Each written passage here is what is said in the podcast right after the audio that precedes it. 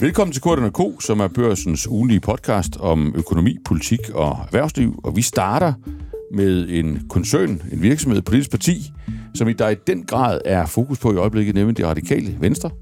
Et parti, der truer med at udløse folketingsvalg, og dermed sætter rammen for alt det, vi i øvrigt diskuterer i dansk politik. Og et parti, der har holdt landsmøde for ganske nylig øh, her i sidste weekend.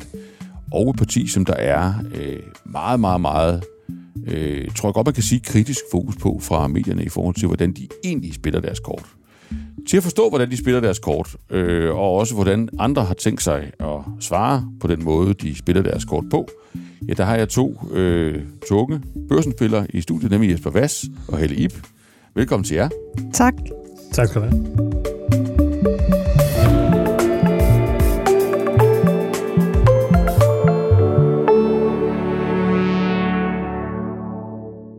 Og vi tre, vi kan jo lige så godt lægge kortene på bordet i forhold til, til det her med at analysere og forstå de radikale, fordi vi har alle sammen skrevet om det, øh, og, og også skrevet om det i, i nær fremtid. Øh, og jeg kan jo lægge for, og så give, give jer ordet bagefter. Jeg har skrevet, øh, og sådan er det på en avis, når man skriver på, på lederplads, så giver man sin egen vurdering, man giver øh, også sin egen holdning, og det er jo noget andet, end når I skriver øh, journalistik, hvor I bygger det på kilder. Men det, jeg skrev på lederplads, det var, at jeg synes, de radikale er endt i en meget, meget svær øh, position. Måske ikke fordi, øh, at de tror med at vælte øh, regeringen et mistillidsvotum, og, og, og, og bagefter i virkeligheden nok vil pege på, på Mette Frederiksen igen, men mere fordi, at de samtidig også har fået stillet ultimative krav om, om udlændingepolitikken, om hele den her idé om at sende øh, asylansøgere til Rwanda, som gør, at det rent ud sagt er svært at se, øh, hvilken regering de overhovedet kan pege på, øh, da deltage i. Så den vurdering har jeg lagt for dagen, men øh, vi, er jo, øh, vi er jo kolleger, der godt kan diskutere her på børsen, så kan I ikke prøve lige at hjælpe med at få etableret, hvad har været, hvad har været de vurderinger, I kunne få ud af jeres kilder? Jesper Hvad du skrev øh, en relativt omfattende øh, analyse af, jamen, hvad er tilstanden inde i de radikale øh, venstre? Hvordan er, de, hvordan er de landet i den her position? Ja, øh, og for det ikke skal være løgn, så har jeg faktisk skrevet inden for den seneste måned et par stykker, ja. og den ene om, hvordan forholdet mellem S og R var noget ud i et nyt lavpunkt.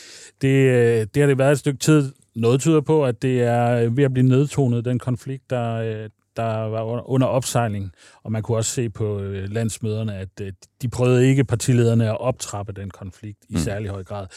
Øh, men konflikten er der. Men det er rigtigt, i op til landsmødet skrev jeg om, om den indre splittelse, der er i det radikale parti, om hvilken linje man skal ligge, om man vil være det her indflydelsesparti, der prøver at være pragmatisk og prøver at placere sig på midten, mm. kunne svinge både til højre og til venstre, eller om man vil være et parti, som øh, markerer sig markant, blandt andet på, altså på udlændingepolitikken, på værdipolitikken, fordi det er en, en, en vigtig position for partiet historisk set. Øh, det er der, der kan hentes nogle stemmer, det så vi under Mørten Østergaard. Og, og det, det er sådan... øh, oplever, det var, at der, der, der er sådan en frustration over, at partiet har sat sig mellem to stole. Man vil gerne, efter Morten Østergaard, være et andet sted, hvor man kan kæmpe sig i regeringen, hvor man kan gøre sig spilbar på midten, men at det ikke rigtig lykkedes, og, og det seneste eksempel er selvfølgelig Rwanda. Øhm, jeg talte, inden jeg gik fra Christiansborg herover med en radikal øh, topfigur, der, der sagde, jamen altså, vi fik jo det største bifald, da vi igen klargjorde, hvor vi stod på Rwanda. Mm. Og det er jo et billede på det problem, de har, at uh, der er energi, der er opbakning til den hårde linje, men den er også ligesom svær at forene med at få magt og indflydelse efter valget. Mm. Både hos Socialdemokratiet, men i særdeleshed også uh, i Blå Blok, som jo Uh, hvad hedder det, vil fortsætte de planer. Så er der de radikale, det kan måske lige en parentes, en stor frustration over, at vi i medierne fokuserer så meget på Rwanda, og ikke så meget på udformningen af Rwanda. Kan det lade sig gøre? Hvordan er forholdene i Rwanda? Hvad er det for en diktator? Hvad er det for en mm. demokrati? Og så videre.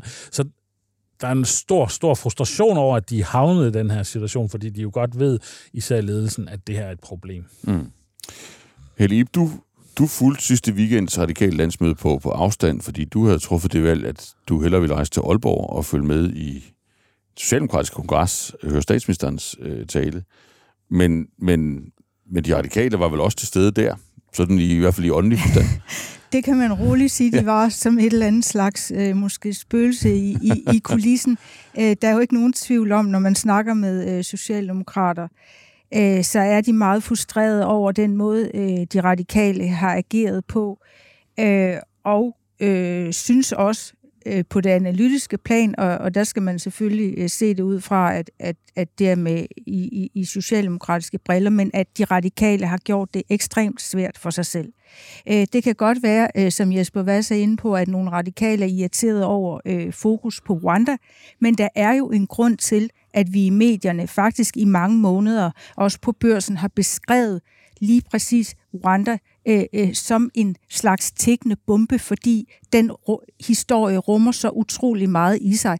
Altså enhver øh, valgkamp har jo sin egen øh, fortælling, enhver øh, politisk periode bliver nogle gange øh, defineret af nogle bestemte begreber eller ord, og øh, der er det selvfølgelig klart, at økonomi vil komme til at fylde helt ekstremt meget øh, i den kommende valgkamp, men det vil Rwanda også på samme måde som 24-årsreglen, skattestoppet, ventelister eller alt muligt andet var noget, der syder opmærksomhed til sig. Mm. Og det handler, som jeg ser det grundlæggende om én ting, og det er, at de radikale har været med til at gøre det til et ultimativt krav, at den plan ikke bliver gennemført. Mm. Og det er sådan i politik, at når en brik rykker på sig, og løfter øh, det hårdeste våben, øh, man har i kassen, jamen så øh, begynder hele spillet at blive sat i bevægelse, så bliver andre nødt til at reagere lige så hårdt. Mm. Så det er det, vi ser i øjeblikket. Ja, men, men Jesper Vass, hvis, hvis vi så bruger det, Helib siger der, altså det ved de jo godt i de radikale, vil jeg, vil jeg tro. Altså de,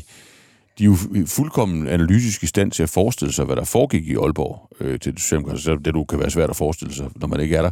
Men, men, men hvordan skal man forstå Altså, hvordan skal man forstå øh, den måde, de, de ligesom er endt her? Altså, rejsen fra, at, at Morten Østergaard med, med de mange trusler, de mange øh, ultimative krav, som så forsvinder i den blå luft, øh, går af, Sofie Karsten øh, næsten kommer til, øh, sin første programerklæring, at nu skal det her være mere pragmatisk, øh, nu, nu er målet, altså det, det, det er magtpartilogikken, der gælder, Martin Lidegaard ind i i ledelsen som radikal nummer to, der om nogen har, har prædiket, at det, var den, at det var den fornuftige linje. Hvordan er man så endt i en situation, hvor, hvor, hvor det, altså det er knap nok til at redde i mængden af, af ultimative krav. Og, og ikke mindst så er man endt et sted, hvor, hvor, hvor man er ultimativ i det mest giftige af alle felter, nemlig udlændingepolitikken. Ja, jeg skrev om det i fredags op til, og havde snakket med en del, og også prøvet at kigge lidt øh, tilbage i den radikale historie, for der er flere eksempler.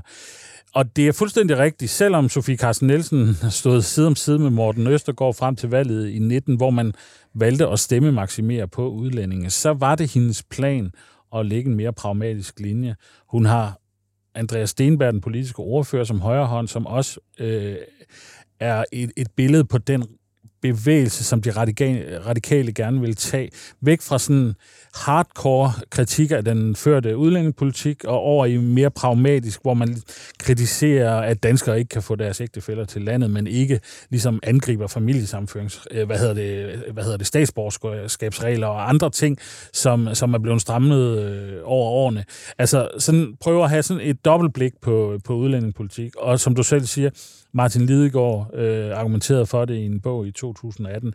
Min læsning er det, og når jeg taler med, med kilder, det er, at øh, i og med, at man har bevæget partiet hen til at være sådan, nogen kalder det et aktivistisk parti, andre kalder det et sådan værdipolitisk orienteret parti, der ligesom høster stemmer på det her, og man har nogle markante profiler, som Senior Stampe, der ligesom øh, er meget i opposition til den førte udlændingepolitik, så er det svært for den radikale ledelse at lægge det død og nødtone det.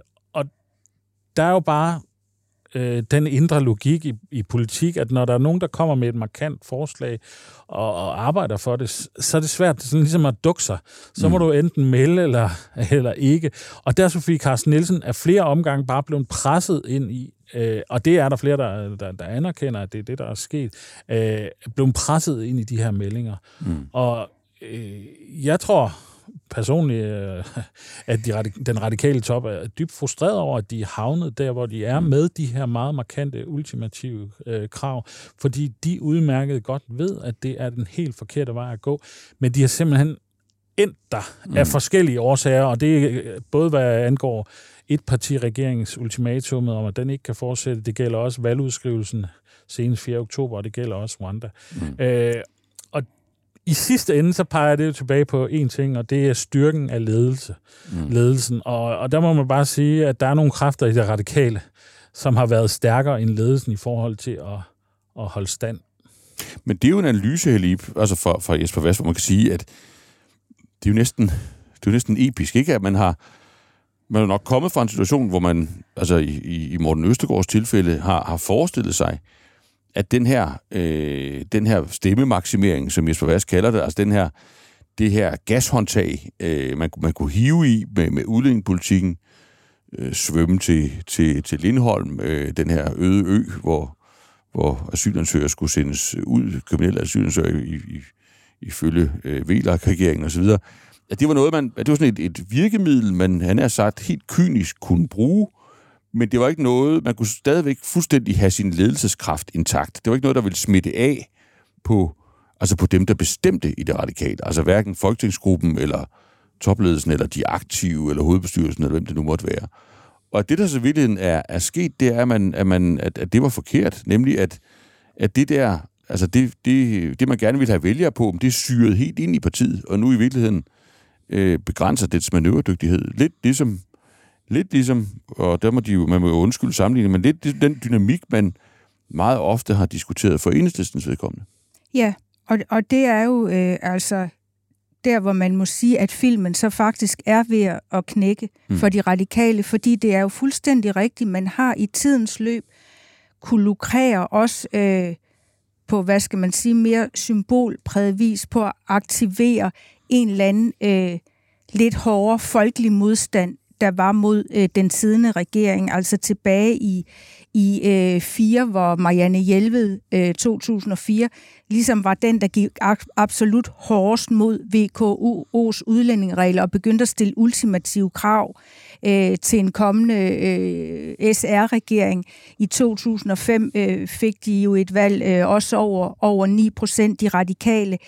Øh, siden da øh, har man så forsøgt pø om på, pø egentlig at justere udlændingepolitikken, og jeg er jo netop havnet nu i det dilemma, at man på den ene side faktisk reelt indholdsmæssigt er blevet mere pragmatisk, men på den anden side godt kan se, at de valg, øh, hvor man har fået fine tal, jamen det er øh, der, hvor man har øh, høstet øh, i det hav af, af protester. Mm. Øh, symboliseret også øh, ved Morten Østergaards valg og hans, øh, hans svømmeture, og hvad han ellers foretog sig, hvor han jo også blev stillet spørgsmål, så du vil gøre op øh, med symbolpolitik ved selv ligesom at svømme rundt i det hav.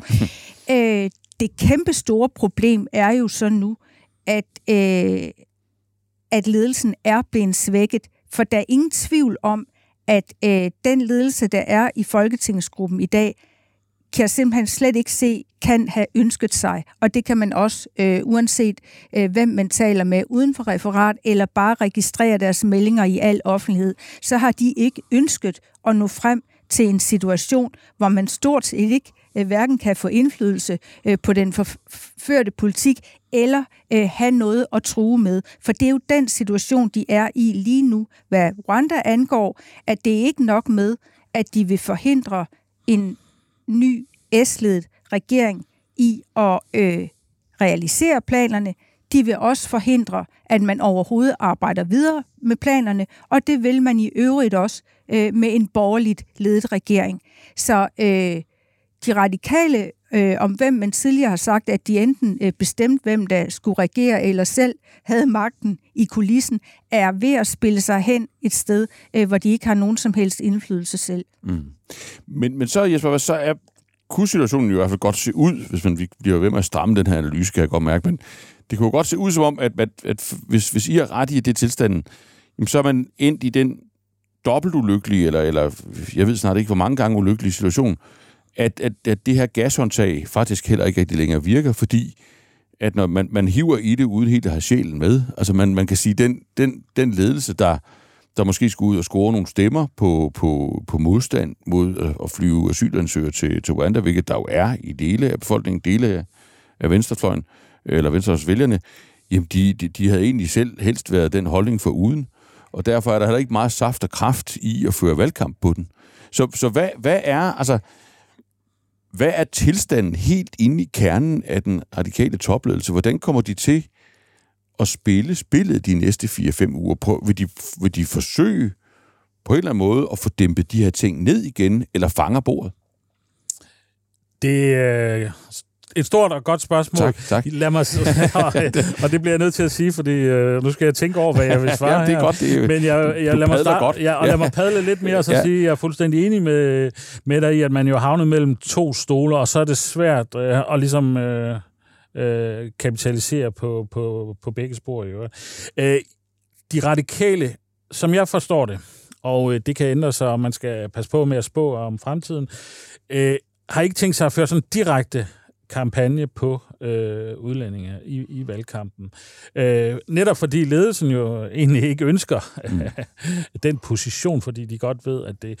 Så jeg tror, at man vil forsøge at søge, og man, man kan jo også allerede fornemme på landsmøderne, at man forsøger at nødtone den her konflikt. Man vil gerne tale om noget andet. Man vil, i, I de radikale vil man meget gerne satse på klima.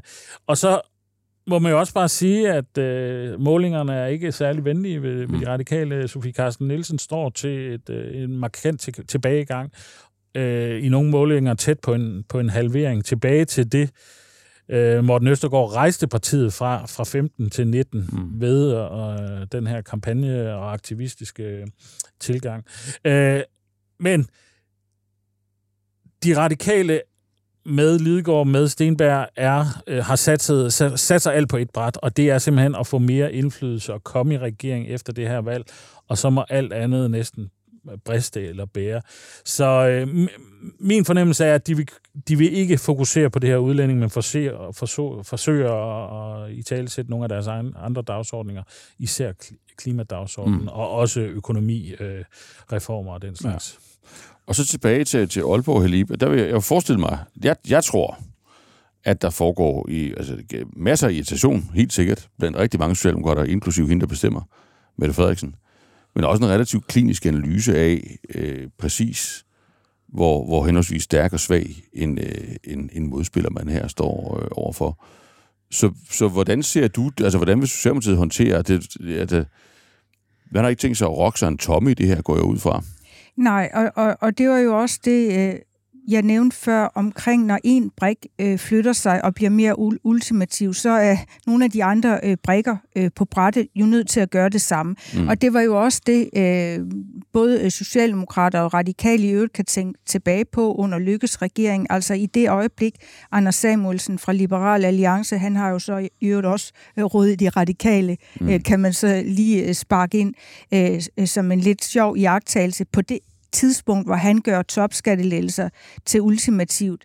Øh, ja, for, så kan det ikke lade sig for LA, nej, nej, så bliver øh, Dansk Folkeparti presset ud i at afvise det endnu hårdere, mm. og, og hvis øh, Tullesenal ikke havde afvist det, jamen så skulle Mette Frederiksen på det tidspunkt da nok holde ham fast i at gøre det. Mm. Og det er lidt det samme, vi har set gentaget med udlændingepolitikken. Øh, der er ikke nogen tvivl om, at analysen langt ind i den sociale demokratiske top i meget lang tid har været, at en af måderne at blive øh, et bredt øh, folkeparti accepteret af danskerne igen, bremse øh, flugten til Dansk Folkeparti osv., det var at holde de radikale ud i meget kraftig strakt arm. Og en af vejene dertil var øh, at sige, at vi skal ikke have dem i regering igen, og vi skal have en meget hård udlændingepolitik. Og det er her, Rwanda er ligesom blevet en symbol på, øh, om man kan stikke eller bekende, og derfor har der været en masse mellemtrin, hvor ministre øh, har forhandlet, har givet pressemøder, er taget til Rwanda, øh, ladt sig fotografere, underskrevet fine aftaler. Der er ikke en klar øh, bilateral aftale med det land nu. Jeg tvivler også på, øh, alt kommer i stand øh, inden et valg, hvis det skal afholdes til oktober.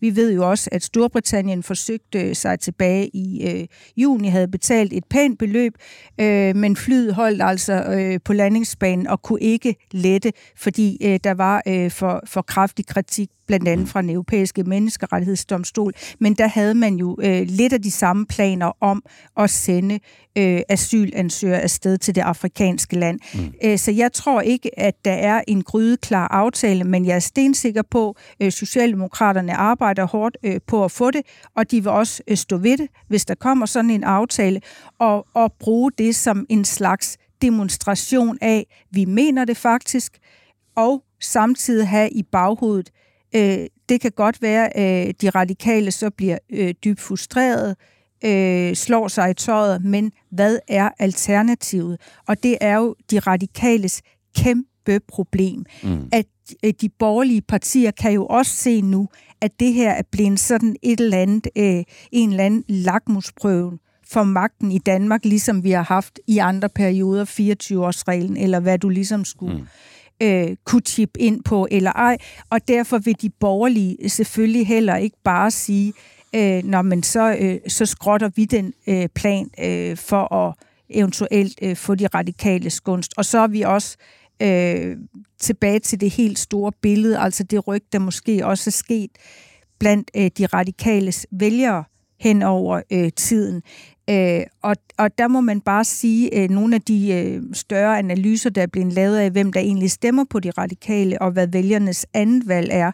Øh, Kasper Møller Hansen, øh, valgforsker, professor, lavede en for et par år siden for Alting, som viste, at de radikale vælgere, når de så blev spurgt, jamen hvis I ikke vil stemme på de radikale, hvor går I så hen?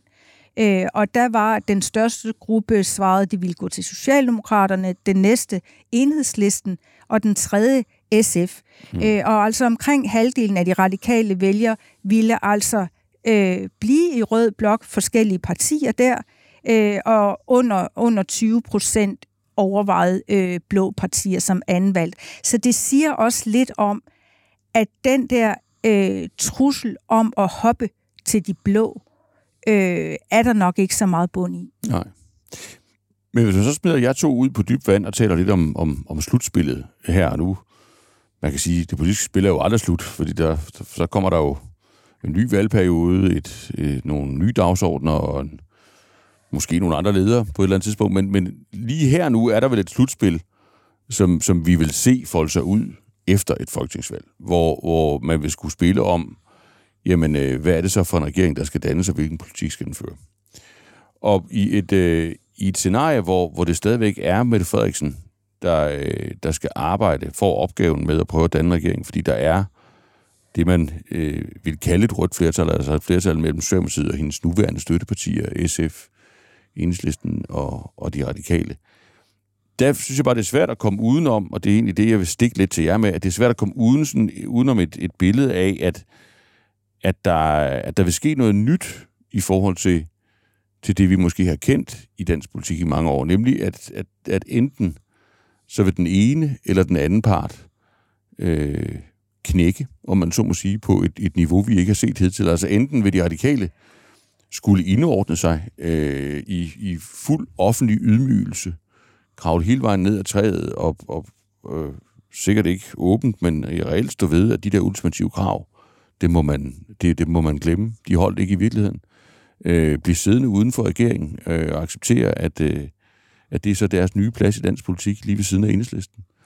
Eller også, så, så skal Mette Frederiksen jo øh, have dem med, øh, hvilket hun har forsvoret, øh, og måske endda øh, lave om på sin udlændingepolitik, øh, hvilket hun også har forsvoret. At, ser I andre veje, og, og, og er, den, er den erkendelse sunket ind – tror I, øh, hos, hos de aktører, vi har med at gøre, at, at på en eller anden måde, så, så øh, og det er jo ikke for at overdramatisere, men på en eller anden måde, så, så kan det her kun ende med øh, noget relativt øh, stort, som vil give sig nogen som jeg en helt del at skrive om.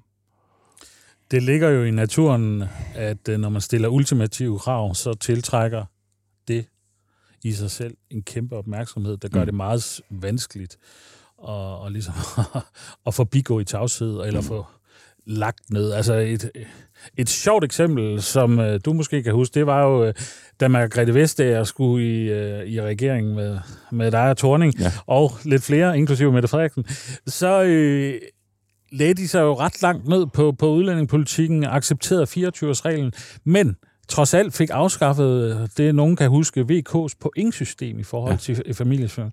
Det skete uden den store palaver, øh, som, som, som jeg hørte, øh, fordi det jo heller ikke var det der meget symbolske forslag, som ligesom var diget i forhold til, om man var øh, stram på udlændingepolitikken eller ikke. Det var netop blevet sådan noget som 24-årsreglen og, og, og andre ting, som der så øh, lå fast. Men, men det er fuldt, der var jeg jo afbrudt, det er jo helt, der var der jo. Ja. Det, er jo det er jo helt korrekt, at, at øh, de kunne faktisk godt få ind, indrømmelser på udlændingepolitikken, hvis ellers de bad om dem på et felt, der ikke var blevet gjort symbolsk afgørende. Præcis. Øh, og de kunne faktisk også godt lægge sig ned i udlændingepolitikken på de felter, der var symbolsk afgørende fordi de ikke havde gjort dem ultimativt på forhånd. Præcis, og det var netop min pointe ja. i forhold til Rwanda. Det er blevet ultimativt. Nu er der nogen, der skal øh, lægge sig ned. Og jeg talte så sent som i går med en, en socialdemokratisk kilde, der forklar, jeg prøvede at forklare, hvorfor bliver I egentlig ved med at optrappe og tage mm. til Rwanda og så videre. Ja.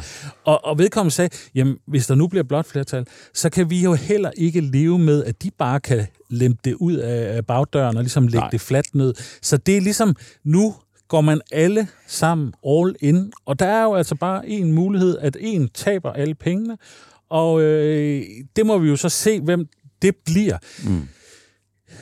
Jeg lagde mærke til fra kongressen, nu var jeg ikke selv i Aalborg i, i, i lørdags, øh, men Frederiksen talte jo ikke i, i sin tale særlig meget om, øh, hvad hedder det, Rwanda og, og de radikale, for ikke at sige overhovedet ikke. Men i, i et doorstep efterfølgende sagde hun en, en ting, som jeg blev mærke i, og det, det er den klassiske socialdemokratiske linje. Danmark har ikke brug for en radikal udlændingepolitik. Så jeg kan ikke se et scenarie efter valget, hvor det ikke er de radikale, som jo inderst inden gerne vil lægge det der lidt dødt og tale om noget andet, må give sig. Fordi de vil blive mødt af et massivt, øh, altså en, en massiv stålfasthed, både hos Mette Frederiksen og hos VK i forhold til, at det der, det opgiver vi altså ikke. Mm. Men alle mulige dynamikker kan, kan komme i værk, øh, når man sidder der og skal og risikere at tabe magt, når man har sat alt ind på et bræt. Så øh, man, man skal jo passe på med at, at udelukke noget. Men jeg har svært ved at se en salomonisk løsning, fordi det netop er blevet så meget en markør. Mm. De af vor, vores kolleger, der var på, på det radikale landsmøde eller årsmøde, registrerede jo det, der tit sker, når man siger, jeg står fast på mine principper – så retter man ryggen og øh, bliver lidt glad indeni og tænker, Nå, men altså alt skal der heller ikke kunne handles om. Mm. Så det var sådan øh, en stemning, i hvert fald blandt en del af dem, vi talte med, også debatten og sådan noget. Og det er jo også noget, øh, der lyder fint i politik, øh, og, og som gør, at, at alt ikke skal være Jallerup marked. Men som det ser ud lige nu, og jeg vil stadigvæk sige, at jeg er meget i tvivl, for vi kan blive overrasket mm. over, hvor dramatisk øh, valget og de efterfølgende øh, regeringsforhandlinger, de udspiller sig. Men så, som det ser ud lige nu, øh, der synes jeg simpelthen, det tegner til en gigantisk ydmygelse af de radikale. Altså, hvis de ender der omkring øh, 4% i meningsmålingerne, og det i øvrigt er helt tydeligt, hvis vi lige øh, skubber Rwanda til side et øjeblik, at Socialdemokraterne også har tænkt sig at køre big time på, at vi står øh, i en historisk vanskelig, kompleks øh, krise, hvor virksomheder og borgere er ekstremt optaget af, hvordan pokker øh, skal man klare det. Øh, inflationen, stigende priser, øh, varmeregninger, øh, arbejdspladser, øh, der kan gå tabt, øh, mennesker, der skal gå fra hus og hjem. Øh, en Mette Frederiksen, der sagde på øh, det socialdemokratiske årsmøde øh, på det her doorstep, at øh, det er utilgiveligt, øh, hvis Folketinget ikke kan arbejde i den her periode, før, under og efter. Altså, signalet er helt klart, Danmark er i så stor krise, at vi har faktisk ikke tid til alt det der radikale pjat mm. øh, og sniksnak om et valg. Hvis det også, øh, hvis den øh, fortælling øh, sætter sig igennem i vælgerkorpset, at de radikale af mere eller mindre egocentriske årsager øh, har udløst et valg øh, på et ret øh, uheldigt tidspunkt øh, for Danmark, jamen så kan det jo øh, yderligere øh, forværre mm. øh, de radikales position. Ender man så med et elendigt øh, valgresultat, øh, og heller ikke kan få nogen af sine øh, hardcore ønsker opfyldt, hverken hos rød eller blå side, så bliver det da et, et gigantisk nederlag for de radikale jeg har så tænkt, om man kunne øh, forestille sig øh, en eller anden afart af øh, et kompromis, øh, som man jo ved, øh, hvis, hvis viljen er til stede, nogle gange kan gennemføres. Et, øh, de radikale vil gå rigtig langt for at komme i regering. To, man øh, ved, at øh, øh, sprog i et regeringsgrundlag nogle gange kan være taknemmeligt. Kunne man forestille sig et eller andet, hvor man forsøgte i det mindste at skubbe problemet ved at skrive, at der skal arbejdes øh, videre med en Rwanda-model, men det skal ske øh, i, i samklang med andre europæiske lande. Et eller andet øh, hurlumhej ud af det spor. Jeg tror ikke, det er særlig sandsynligt. Det er blot, hvis jeg skulle gætte på en eller anden lidt mere klassisk øh, politisk øh, løsning i at, at nedtone eller komme over det her problem. Men, men, at så kunne det være en mulighed. Men så skifter vi roller og beder Jesper Vass om at vurdere øh, den, den sådan, socialdemokratiske stilling til det, fordi man kan sige, hvis ellers det der kom på bordet, så vil jeg jo umiddelbart gætte på, at de radikale vil gribe det med, med mere end kysshånd. Altså det vil jo være, det vil jo være en vidunderlig vej ud af, af, af, af kniben. Men, men Jesper Vass, sådan set fra et socialdemokratisk synspunkt, så ville man vel så skulle indstille sig på at blive mobbet herfra til dommedag øh, af alle borgerlige partier i Danmark, øh, for at det, når det kom til stykket, alligevel var det radikale venstre, der bestemte, Præcis. og vi kunne sende asylansøgere til Rwanda under hvilke omstændigheder. Og det er jo den øh, forfærdelige logik, som Socialdemokratiet har været i 20-30 år. Ikke? Mm. Øh, og jeg vil, jeg vil sige til Alibe, at der er kilder i det radikale, øh, og dem har du sikkert også talt med, øh, der, der siger, at det kan jeg løse med fire linjer, så har vi da en lille kompromis om det. Så simpelt bliver det ikke, fordi at hvis ikke S arbejder videre på det, så øh, vil de blive skudt i skoen, at nu har de solgt udlændingepolitikken igen. Mm. Og med Inger Støjberg øh, og øh, og øh, Værmund, og hvem der nu ellers kommer ind, nu må vi se, øh, Pape og, og måske også Ellemann, så øh, bliver der ingen fribilletter for nogen som helst. Så øh, i og med, at det blev så, øh, altså i og med, at alle partier er gået all in, så, så er det svært at forestille sig, at man ligesom kan, kan bare hive lidt øh, chitonger ud, og så, øh, så spille videre. Men, men sidste spørgsmål til jer to. De der fire linjer der, som du skriver, som du taler om, altså det, det, det, det virker som om, at der er nogen, der der har en idé om, hvordan det kunne se ud, og det må ikke også til at sidde og øve sig på deres tastatur. Jo. Kan man forestille sig en situation, hvor man, hvor man siger, jamen, de har det, altså Socialdemokratiet vil ikke have de fire linjer. Altså, det, det kan, man kan glemme det. Øh, man kan hverken komme med i regeringen, eller få lov at skrive øh, det her ellers rimelig logiske kompromis, fordi det vil sætte udlændingepolitikken i brand igen. Ja. Og man så tilbyder den, øh, tilbyder de, de blå partier, at de faktisk kan få lov at vælte Mette Frederiksen, kan få regeringsmagten hvis de vil købe de her fire linjer.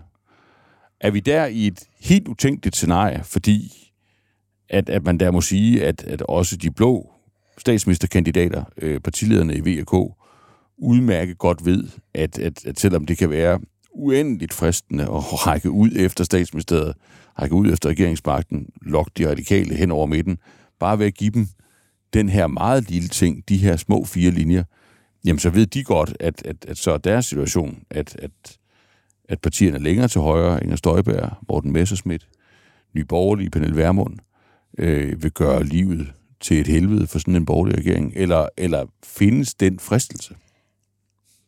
Det er et godt spørgsmål.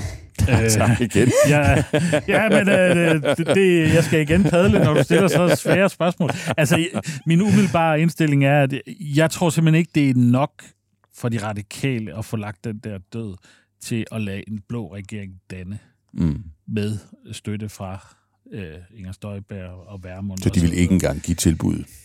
Jamen, øh, der er nok, altså, hmm, utilfredsheden med Mette Frederiksen er meget stor, frustrationen over at være havnet der, hvor man er, er enorm. Så øh, altså, jeg tør næsten ikke udelukke noget som helst, men det vil jo være en meget lille indrømmelse. Øh, og så se, hvad hedder det, regeringsmagten gå over i blå blok i måske en, to, tre valgperioder. Det ved man jo aldrig. Man regner med, at det går nok over meget hurtigt, men det er jo ikke altid, det gør det. Mm. Og det tror jeg i øvrigt også, at de øh, radikale vælgere vil straffe meget, meget hårdt. Og mm. derfor, øh, men øh, jeg tør ikke udelukke det. Ja, Nu stillede du spørgsmål. Findes den fristelse? Og der lyder mit svar, ja. Jeg er stensikker på, at den fristelse findes. Øh, de meldinger, der også har været om udlændingepolitikken de seneste år, tag Liberal Alliance Alex Vandopslag, der selv har sagt, det må være muligt at lempe lidt rundt omkring, uden at slække den generelle politik. Det må være muligt at få en lidt mere fornuftsbaseret politik. Øh, tag Søren øh, Pape Poulsen fra de konservative, der har sagt omkring Rwanda, at det også sådan er en humanistisk test for ham. Øh, Jakob Ellemands øh, synspunkter on and off. Øh, Lars Lykke Rasmussen fra Moderaterne. Altså, jeg tror faktisk godt, man kunne finde nogle partier uden øh, øh, for... Øh, ud, eller væk fra yderfløjerne, for, fløjene, altså Dansk Folkeparti og Nye Borgerlige, som godt kunne se et eller andet for sig her. Så jeg er egentlig ret sikker på, at vi kunne sagtens forestille os en runde på det. Mm. Øh, hvor man overvejede, jamen kunne der faktisk være en fællesmængde, og kunne vi finde en eller anden anden måde at løse det her på. Jeg betragter det så ikke som det øh, mest realistiske scenarie, at det så vil også blive bundlinjen. Men jeg tror, man vil tage en runde på det, og jeg tror også, øh, at er, at der hos de borgerlige, som jo ellers har sagt, ja, selvfølgelig vil vi arbejde videre med Rwanda, men at der faktisk også ligger en dyb skepsis over for, kan det overhovedet lade sig gøre? Kan det overhovedet realiseres? Mm. Og hvis det ikke kan det, kunne det her så være vejen til øh, at forhindre øh, Mette Frederiksen i at få fire eller otte år mere, at vi prøvede at lave et land. Så jeg tror, der kommer en runde på det, men noget af det, der selvfølgelig kan blive meget afgørende, medmindre vi lige frem øh, har at gøre med et flertal, og det synes jeg ikke, der er noget, der tyder på, der kunne blive øh, VK, øh, radikale, øh, måske LA og Lykkes Moderaterne. Hvis der ikke er et flertal, øh, så vil det jo også meget blive afgjort af, vil øh, Dansk Folkeparti og Nye Borgerlige øh, og, og Danmarksdemokraterne, vil de overhovedet acceptere, at sådan en regering får chancen, eller vil de sige til dronningen, vi vælger den ved førstkommende lejlighed, og den derfor slet ikke kan dannes? Mm. Det er godt med noget øh, dynamik imellem ens topanalytikere. Tusind tak for, øh, for jeres bidrag. Det siger vi alt om, øh, at, at det her det er en, en, en situation, der er kåre på højt plus. Tak til Jesper Vass. Tak til Aliv.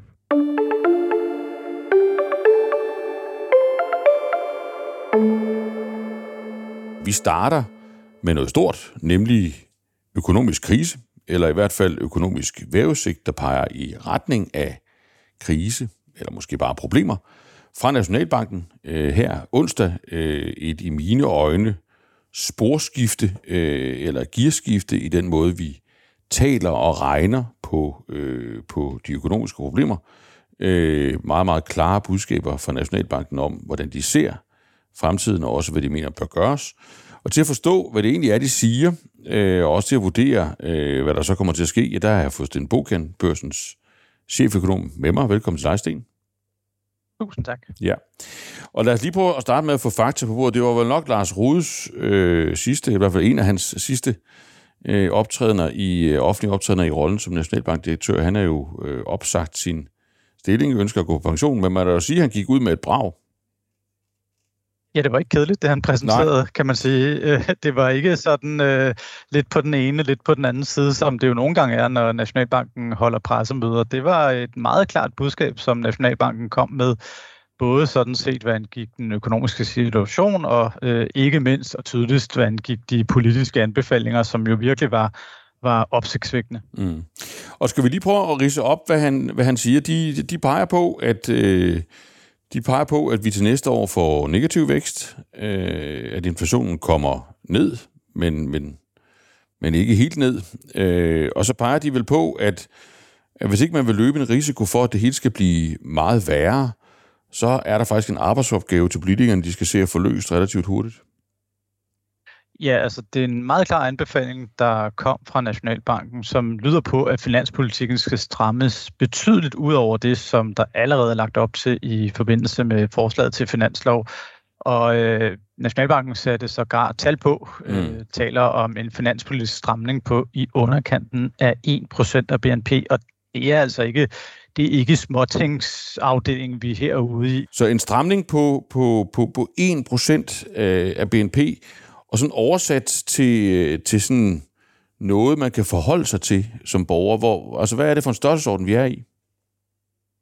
Jamen altså, øh, 25 milliarder kroner, som der er tale om i kroner og øre, svarer sådan i, til i størrelsesorden 35.000 offentlige ansatte. Det vil sige, at hvis man skal til, tage tilpasningen på øh, udgiftssiden, altså på de offentlige udgifter, så skal man altså ud og fyre ca. 35.000 medarbejdere, og vel og mærket fra det ene år til det andet. Det får jo øh, diskussion per, per om, øh, om den konservative øh, skatteplan til at, at forstå mig helt, øh, fordi det er, jo, det er jo så at sige øh, hele deres plan frem til 2030 bare taget på et år. Øh, så en relativt kraftig øh, nedgang i den offentlige beskæftigelse, hvis vi vil tage tilpasning af den kant. Alternativet det er at gøre det øh, højere skatter, men ja, så skal man jo altså også kræve betydeligt højere skatter op, som jo så skal lægges oven i den i forvejen meget høje energiregning og i, for, øh, i, i de forvejen høje øh, fødevarepriser. Så det her, det vil være noget, som hvis det bliver gennemført, virkelig vil kunne mærkes i dansk økonomi, og som vil kunne mærkes øh, enten hos de, der specifikt bliver fyret, hvis det er den offentlige beskæftigelse, eller øh, hos os alle sammen, hvis det er højere skatter, vi taler. Men hvis vi nu lige, altså nu har finansministeren jo afvist øh, forslaget, og det er ikke sådan, det vrimler med andre politikere, der, der synes at have lyst til at gøre, som Nationalbanken anbefaler. Men hvis vi bare lige holder fast i, hvad det egentlig ville kræve, altså man kan enten hæve skatterne, man kan enten man kan sige farvel til 35.000 øh, offentlige ansatte, og det er jo med meget kort varsel. Hvad med anlægsbudgetterne? Kan man, altså de offentlige anlægsbudgetter, det, vil, det er også noget af det, man normalt vil skrue på. Altså hvor, hvor meget plads vil der være der til at komme i mål? Ja, du kan ikke tage tilpasningen på anlægsbudgetterne alene, så vil de jo forsvinde helt. Mm. Øh, så man kan sige, øh, i en situation, hvor vi jo samtidig skal satse på energiinvesteringer, fordi vi jo altså har en energikrise, øh, jamen så kan vi jo i hvert fald ikke tage hele tilpasningen af den kant. Øh, så man kan vist roligt sige, at øh, det her det vil være noget, som som øh, ikke bare vil kunne sådan puttes væk i en teknikalitet af en justering i den økonomiske politik. Det her det er, det er genopretningspakken fra 2011 gang 3, øh, eller i hvert fald de ja. årlige effekter gang 3. Ja. Øh, det svarer cirka til den samlede effekt af genopretningspakken. Så det er et indgreb på niveau med, øh, med det, der blev lavet øh, med genopretningspakken gang 3? Øh, de årlige effekter ja. øh, vil være cirka tre gange så store, øh, og dermed vil det samlede indgreb cirka svare til øh, genopretningspakken fra 2010-11 stykker. Øh, forskellen fra den gang til nu er jo så, at vi skal tage hele tilpasningen på et år, mm. øh, hvis vi skal følge Nationalbankens anbefalinger. Ja. Det kommer vi så nok heller ikke til. Øh, nej, det nej, tror jeg men, er helt usandsynligt. Det tror jeg også, det er. Men lad os nu bare holde fast i, at, at, lad os holde fast i, at det er Nationalbanken. Lad os holde fast i, at, at det er der dog en vis faglig tyngde bag, og så prøve at, at, at undersøge, hvad, hvad vil der skulle ske i, i virkelighedens Danmark, hvis man, hvis man gjorde som anbefaler. Der er det, det, du siger, det er, at der er ikke nogen sådan teknisk, øh, akrobatisk løsning ud af det her. Det, der er, om man så må sige, smerte forbundet med det, enten i form af, øh, at man skal skære ganske kraftigt ned i den offentlige sektor, eller at borgere, der i forvejen er gået tilbage og reelt løn, skal betale endnu højere skat, i hvert fald i en periode. Ja, altså der vil jo være nogen, som siger, jamen kan vi ikke bare beskatte de her ekstraordinære indtægter i energiselskaber? Mm. Øh, og øh, det er muligt, at det teknisk set kan lade sig gøre. Det ved vi ikke på nuværende tidspunkt, om man overhovedet kan teknisk. Men jeg tror, man skal holde sig for øje, at hvis det ikke er noget, der gør ondt på nogen, så har det ikke den ønskede effekt øh, på nationaløkonomien. Det skal være reel købekraft, man hiver ud af nationaløkonomien. Øh, og det vil sige, det er altså noget, som enten skal gøre ganske ondt på en del virksomheder, eller ganske ondt på en del husholdninger. Og, og derfor så er det altså ikke noget, hvor vi bare kan sige, at den tilpasning tager vi bare, mens vi så at sige kigger den anden vej, og så er vi igennem krisen. Øh, sådan vil det ikke fungere. Det her det vil være noget, som man jo så til og med skal gennemføre på et tidspunkt, hvor økonomien i forvejen er under pres mm. med negativ vækst i BNP og med stigende øh, ledighed, med faldende huspriser. Så øh, man kan vel stråligt sige, at øh, Nationalbanken lægger op til noget, som for nogen i hvert fald vil blive opfattet som værende ganske ubehageligt rent økonomisk. Øh, det gør ikke, at anbefalingen er ufornuftigt, men det gør bare, at den politisk set kan være enormt svær at få flertal for.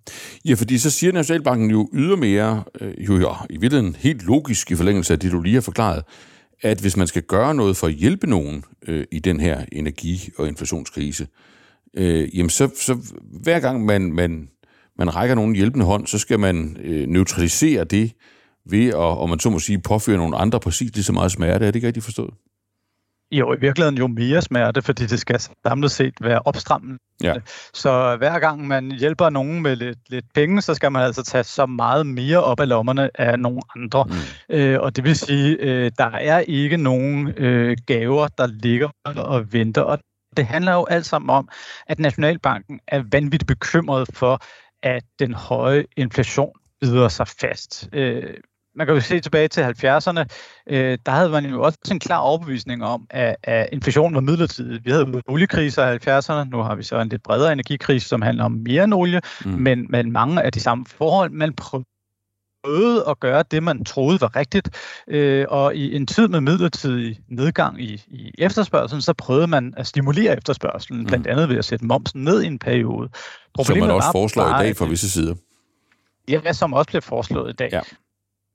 Og, og det kan man sige, at, at problemet var bare, at uh, de inflationsskabende kræfter forsvandt jo ikke af den grund, og i stedet for så fik man bare en inflationskrise, som trak ud, og dermed også, at når vi sådan kiggede på lønforhandlinger og andet, jamen så blev det ligesom en indbygget øh, automatik. Vi fik det sådan sågar helt konkret indbygget i form af dyrtidsreguleringer i 70'erne, men man kan meget nemt forestille sig, at hvis man gentager det kunststykke, jamen så vil det være noget, som indlejer sig i de forventninger, vi har til priserne fremadrettet, og så kan det blive meget vanskeligt at få inflationen ned. Mm. Øh, man kan sige lige i øjeblikket, så håber vi jo på, øh, og det er indtil videre stadigvæk et fromt håb, men vi håber jo på, at ved at sætte renterne op globalt fra et niveau, sådan, som har ligget under 0 og øh, omkring 0, øh, afhængig af hvilket land man har kigget på, til måske et interval mellem, hvad skal vi sige, 3 og 5 procent globalt, jamen, så håber man på at, at få inflationen under kontrol. Og det håber man på øh, øh er nok, fordi at man stadigvæk har øh, rimelig velforankrede inflationsforventninger. Altså vi har ikke bygget øh, de her inflation, den her høje inflation ind i den måde, vi tænker økonomi på, hverken i mm. vores private økonomi eller i virksomhedernes økonomi. Men hvis det ændrer sig, altså hvis vi lige pludselig som følge af blandt andet ekspansiv økonomisk politik, kommer ind i en situation, hvor folk forventer, at priser stiger over tid, jamen så skal der noget helt andet til. Mm. Tilbage i, i, i 70'erne og start 80'erne, jamen så skulle øh, den korte rente i Danmark, den skulle et godt stykke op over, over 10 procent, og den lange rente op over 20 procent, før vi fik øh, inflationen under kontrol. Og tilsvarende hestekur skulle man igennem i øh, den vestlige verden, i USA, i Storbritannien, i rigtig mange lande. Og det vil sige, den situation vil vi mægtig gerne undgå, hvis vi mm. overhovedet kan. Og øh, for at undgå det, og for at mindske risikoen for, at vi havner der, jamen så anbefaler Finan- øh, Nationalbanken altså, at vi, vi, vi træder på bremsen allerede nu, og træder den godt ned. Så, så bare lige for at komme tilbage så til deres prognose, altså de, de har de her skøn, altså negativ vækst øh, næste år, øh, 4,3 procents inflation, og overskrifterne rundt omkring er jo, at det er en dyster prognose, at den er mere skeptisk end det Finansministeriet sagde bare for få måneder siden. Men i virkeligheden, så, altså det de regner med kommer til at ske, det er i virkeligheden ikke det, de sådan primært frygter. Nej, altså de har ikke lagt deres frygt ind i deres prognose. Der er ikke frygt i prognosen. Øh, og derfor er Nej. deres prognose sådan set også, skal vi sige, det, relativt optimistisk. Og det lyder ja. selvfølgelig paradoxalt, når man taler om faldende beskæftigelse og faldende BNP. Men ikke desto mindre, så må vi sige, det er ikke et forløb, som vil skræmme sådan øh, dansk øh, væk. Øh, det, det vil være et forløb, hvor beskæftigelsen måske på et eller andet tidspunkt kunne begynde at nærme sig det normale niveau. Mm. Øh, udgangspunktet er nemlig, at vi har overnormal beskæftigelse. Det vil også være en situation, hvor huspriserne, selvom de nok falder 10 procent i deres prognose, øh, stadigvæk vil være betydeligt højere end inden øh, coronakrisen ramte tilbage i 2020. Og det vil sige, i virkeligheden et ret mildt billede, men grunden til, at de kommer med den her meget klare anbefaling om en finanspolitisk øh, opstramning, det er fordi, at nok har de en prognose, der er sådan moderat pessimistisk, men ikke rigtig pessimistisk, men de frygter virkelig, at det her kan komme til at gå helt galt, og vel at mærke ikke bare galt nu, men galt over over en længere periode, så omkostningen ved at gøre det øh, hvad skal vi sige, forkerte nu, øh, kan vise sig at blive meget, meget stor. Så bare lige for at være helt præcis, hvis nu man som, som borger i Danmark lytter til øh, Danmarks Nationalbank, vores allesammens Nationalbank, så, så skal man tænke følgende. Nu er de kommet med en prognose, og det, nu, hvis nu jeg regnet den ind i mit budget, altså for eksempel for den virksomhed, jeg driver, eller for min egen privatøkonomi, så det, de mener med den prognose, det er i virkeligheden, at det er det, de regner med kommer til at ske, hvis det, de frygter, hvis, de, hvis vi undgår det. Altså hvis, hvis, hvis tingene ikke går galt. Er det sådan, man, det er sådan, man skal forstå det? Ja, i deres prognose har de ikke indregnet den her øh, risiko, der er for en øh, selvforstærkende lønprisspiral, altså for at inflationen for alvor bider sig fast. Og derfor bliver det ligesom også godt igen sådan lidt længere frem. Er det ikke rigtig forstået? Altså, hvis man lytter. Jo, altså når man kigger deres prognose, så kan man jo sige, sådan om et par år, så ser alting sådan nogenlunde fornuftigt ud. Ja, vi kommer ind i en periode med stigende ledighed. Ja, vi kommer ind i en periode med faldende huspriser, men det er ikke noget, der er højdramatisk. Det er ubehageligt for nogen, for mange der også, mm. øh, men, men ikke, øh, hvad skal vi sige, en stor sådan meget dyb og lang økonomisk krise, men, men, men det man skal gøre så klart, hvis man ligger budget i øjeblikket som virksomhed, det er, at det, det er risikobilledet, man skal forholde sig til. Man skal forholde sig til det her. Det kan altså både blive meget, meget værre, og det kan blive meget, meget mere langvarigt. Og det kan vi politisk mindske risikoen for, at det gør. Derfor bør man stramme finanspolitikken. Det kommer næppe til at ske, og derfor så må vi krydse fingre for, at øh, det går godt alligevel. Men så må vi så også bare sige, at der er en ret betydelig risiko for, at vi hen over de næste par år kommer til at løbe ind i større økonomiske problemer end det, som der er lagt til grund i deres prognose. Så igen, hvis man holder, nu kan vi jo prøve at få din vurdering af, af det her rationale lige om lidt, men hvis vi nu bare tager det sidste spørgsmål, hvor vi bare ligesom er på Nationalbankens præmisser, så kan man sige, jamen nu er der jo valgkamp inden så lang tid. Øh, finansministeren var hurtig. Øh, ikke sådan, han havde lyst til interview, øh, men han sendte sådan bare et skriftligt citat, sådan man slipper for at uddybe. Øh, hurtigt til at afvise, at det her, det vil han ikke. Øh, og det ser der heller ikke rigtig ud til at være andre øh, Øh, politikere, i hvert fald med magt og indflydelse, som, som har lyst til, og i valgkampen vil meget jo trække den modsatte retning, nemlig at man gerne vil fortælle noget om alle, alle de gode ting, man vil gøre for folk, ikke mindst når, øh, når de har problemer. Så, så det, du, det Nationalbanken siger, det er, okay, hvis det er sådan, I, I kører øh, i dansk politik, hvis det er udkommet af demokratiet, jamen så har I altså pådraget jer med åbne øjne en, en unødvendigt stor risiko for, at det her det går rigtig galt. Ja, det må man sige. Øh, Nationalbankdirektøren gjorde det jo meget klart, den arbejdsstilling, der er i den økonomiske politik i Danmark. Og mm. den er jo forholdsvis simpel som følge af fastkurspolitikken. Mm. Nationalbanken i Danmark fører ikke pengepolitik på traditionel vis. Den sætter ikke renten op eller renten ned, afhængig af, hvad den økonomiske udvikling er. Den sætter renten op eller ned, som følge af de krav, fastkurspolitikken giver. Altså, øh, der kan være lidt små renteudsving øh, som følge af det, men ellers så, øh, så sidder Nationalbanken på sine hænder, eller i hvert fald så er dens aktioner øh, dikteret af den europæiske centralbank. Den mm. europæiske centralbank kommer nok til at stramme pengepolitikken en smule, men helt grundlæggende er det ikke nok i dansk økonomi, fordi dansk økonomi er et andet sted end øh, europæisk økonomi er som gennemsnit. Vi har en vanvittig høj beskæftigelse, vi har et vanvittigt overophedet boligmarked, og derfor burde politikerne gøre noget i tillæg. Og mm. det er så kun politikerne, der kan gøre det. Og det vil sige, det er regeringen, det er øh, øh, ja, Christiansborg bredt, øh, som så burde blive enige om at lave en øh, stor finanspolitisk opstramning.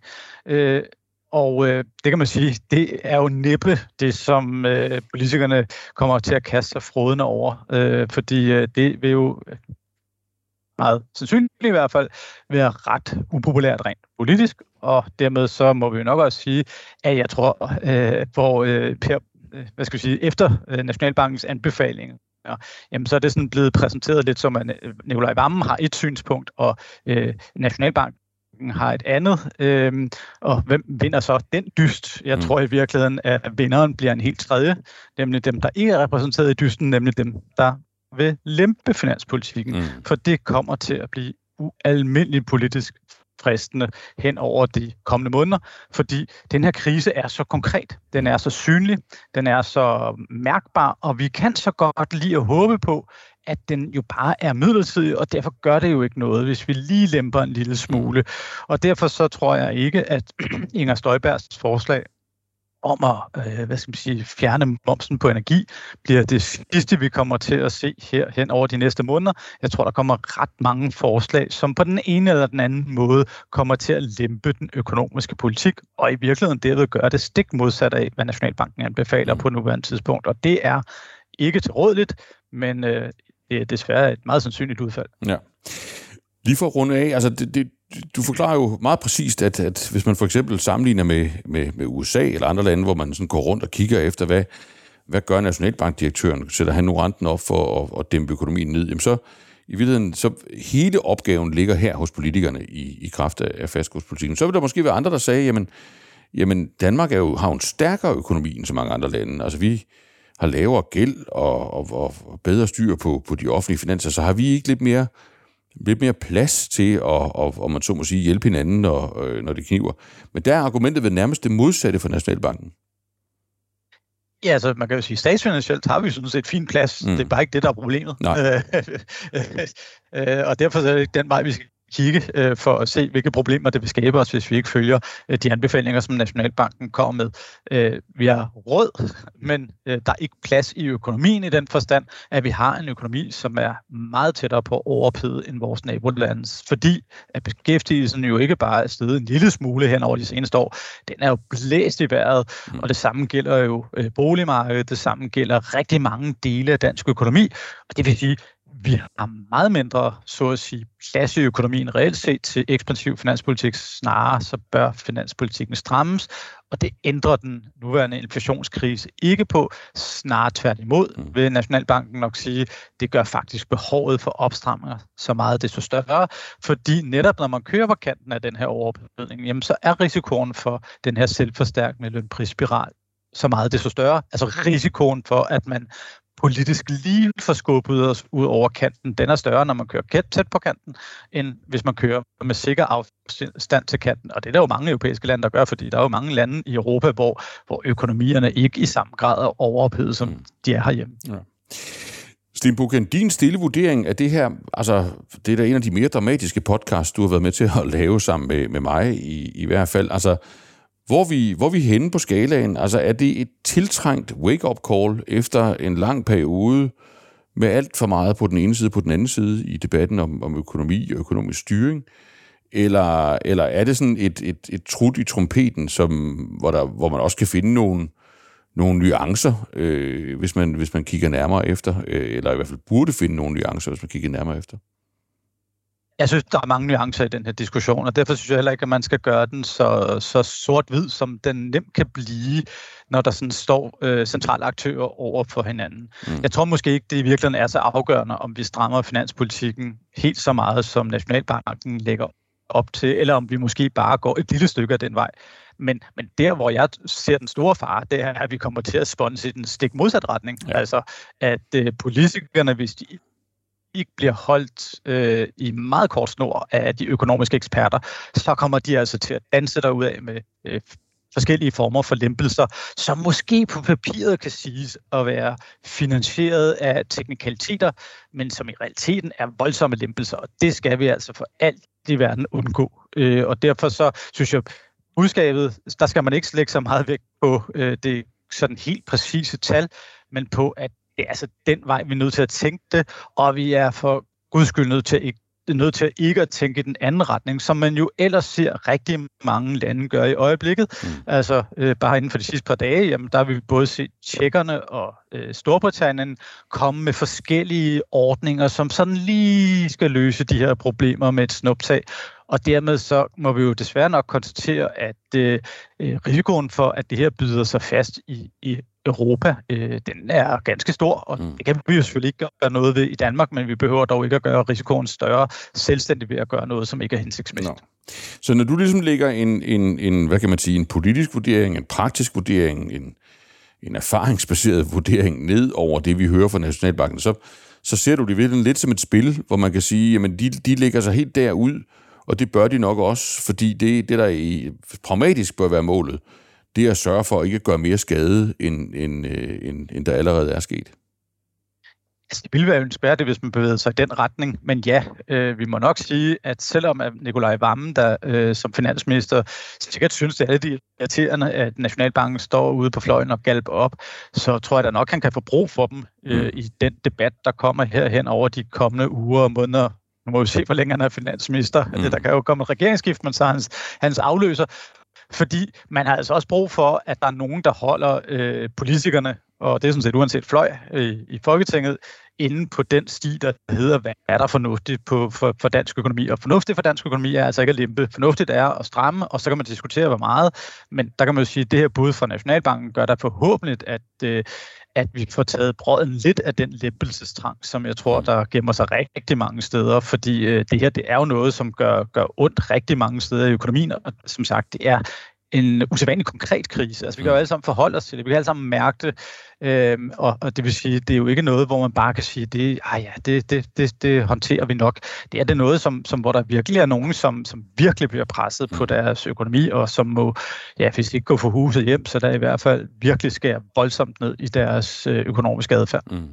Så får du lige mulighed for at, at runde af med sådan et, et, en, en sidste krølle på, på det alvorlige budskab, fordi Øh, Lars Rude sagde, at det her det er, det er noget, vi, vi bliver alle ramt. Øh, det, han, han fik prøvet vilje i talesæt det her med, at der er ligesom en, en byrde, der skal bæres, eller en smerte, vi skal acceptere for at komme i, igennem det her, i hvert fald for at fjerne den, eller minimere den risiko, du har beskrevet så, så fint. Så vil der jo nok være nogen, der sidder derude og tænker, jamen vi, vi har sådan set allerede, altså vi har allerede lidt et reelt lønstab. Der er, der er høj inflation, øh, op mod næsten 10 procent. Vores øh, lønninger er ikke fuldt med, så vi er allerede blevet betydeligt fattigere. Så fint nok, øh, Sten Bokian og Lars Rode, hvis bare vi ligesom kan komme tilbage til nul, så er det også okay med os. Vi skal bare, have, vi skal bare sørge for, at vi det mindste ikke bliver fattigere eller taber realløn. Og det, måske vil man også se det krav gjort gældende i de overenskomstforhandlinger, der kommer lige om lidt. Hvad, altså, er, er det realistisk, eller må man se i øjnene, at de penge, der er tabt, de er tabt, hvis vi skal tilbage på sporet af dansk økonomi? Ja, det tror jeg, man må sige. Øh, jeg tror ikke, vi kommer til at indhente det regelønstab, vi har haft. Så spørgsmålet om, om vi kan undgå, at det fortsætter i de kommende år. Det er jeg heller ikke sikker på. Mm. Øh, men, men, men det er den diskussion, øh, som vi skal have. Og det handler jo alt sammen om, at vi skal have suget noget, vi skal i virkeligheden have suget noget købekraft væk. Øh, den økonomiske politik har været alt for lempelig i kølvandet på corona, øh, både i Danmark, men så sandelig i højere grad i andre lande. Øh, og det gør simpelthen, at, at, at der er behov for, at, at der er noget af, af hvad skal vi sige, det, det, det gode og lækre, der bliver fjernet fra os. Mm. Og det er vi jo så godt i gang med. vi er nok ikke færdige med det, og vi får det nok ikke tilbage på den korte bane. Så kan det godt være om 5, 10, 15 år, at vi så har indhentet det reallønstab, som vi fik det vil øh, alle fange tilsige, men, men der kommer til at gå et stykke tid, øh, og det vil sige, øh, det her det, det er et, et tab, som vil kunne mærkes i en, en rum øh, periode, desværre. Øh, jeg vil også ønske, det ikke var sådan. Mm. Og hvis ikke vi vil acceptere det, så øger vi risikoen for, at det bliver endnu værre. Ja, og det er jo det, der er det, det paradoxale i den her krise, og det ubehagelige i den her krise, ikke mindst set fra et politisk synspunkt, jamen det er jo, at, at det her det er en krise, hvor vi ikke kan hjælpe. Altså vi, mm. vi kan ikke gå ind og sådan lige holde hånden under øh, det hele. Øh, det kunne vi jo til en vis grad under finanskrisen. Det gav os så lidt problemer, og vi måtte have en genopretningspakke efterfølgende, mm. men, men man kan sige, dog til at starte med, kunne vi gå ind og sådan lige tage spidsen af krisen. Øh, og det må vi sige, det kan vi ikke den her gang. Og det er endda til trods for, at vi har penge på kistebånd. Det er til trods for, at der er styr på de offentlige finanser. Det, det kribler og krabler jo en hver politikers fingre for at sige, at vi vil da gøre noget for at hjælpe nogen men, men det er bare ikke en god idé. Mm. Og derfor så bliver det spændende at se, om, øh, om de øh, evner at, at holde sig tilbage, fordi der vil ikke være de her sådan, henstillinger fra EU, som vi jo eksempelvis havde i forbindelse med genopretningspakken efter finanskrisen. Der var det jo sådan noget, der kom til os udefra, eller i hvert fald kunne sige, at det kom til os udefra. Der var en diskussion om, det var reelt set noget, vi fik at vide eller ej. Mm. Men, men i hvert fald kunne vi ligesom pege ud af døren og sige, at det var dem, der sagde, at vi skulle gøre noget.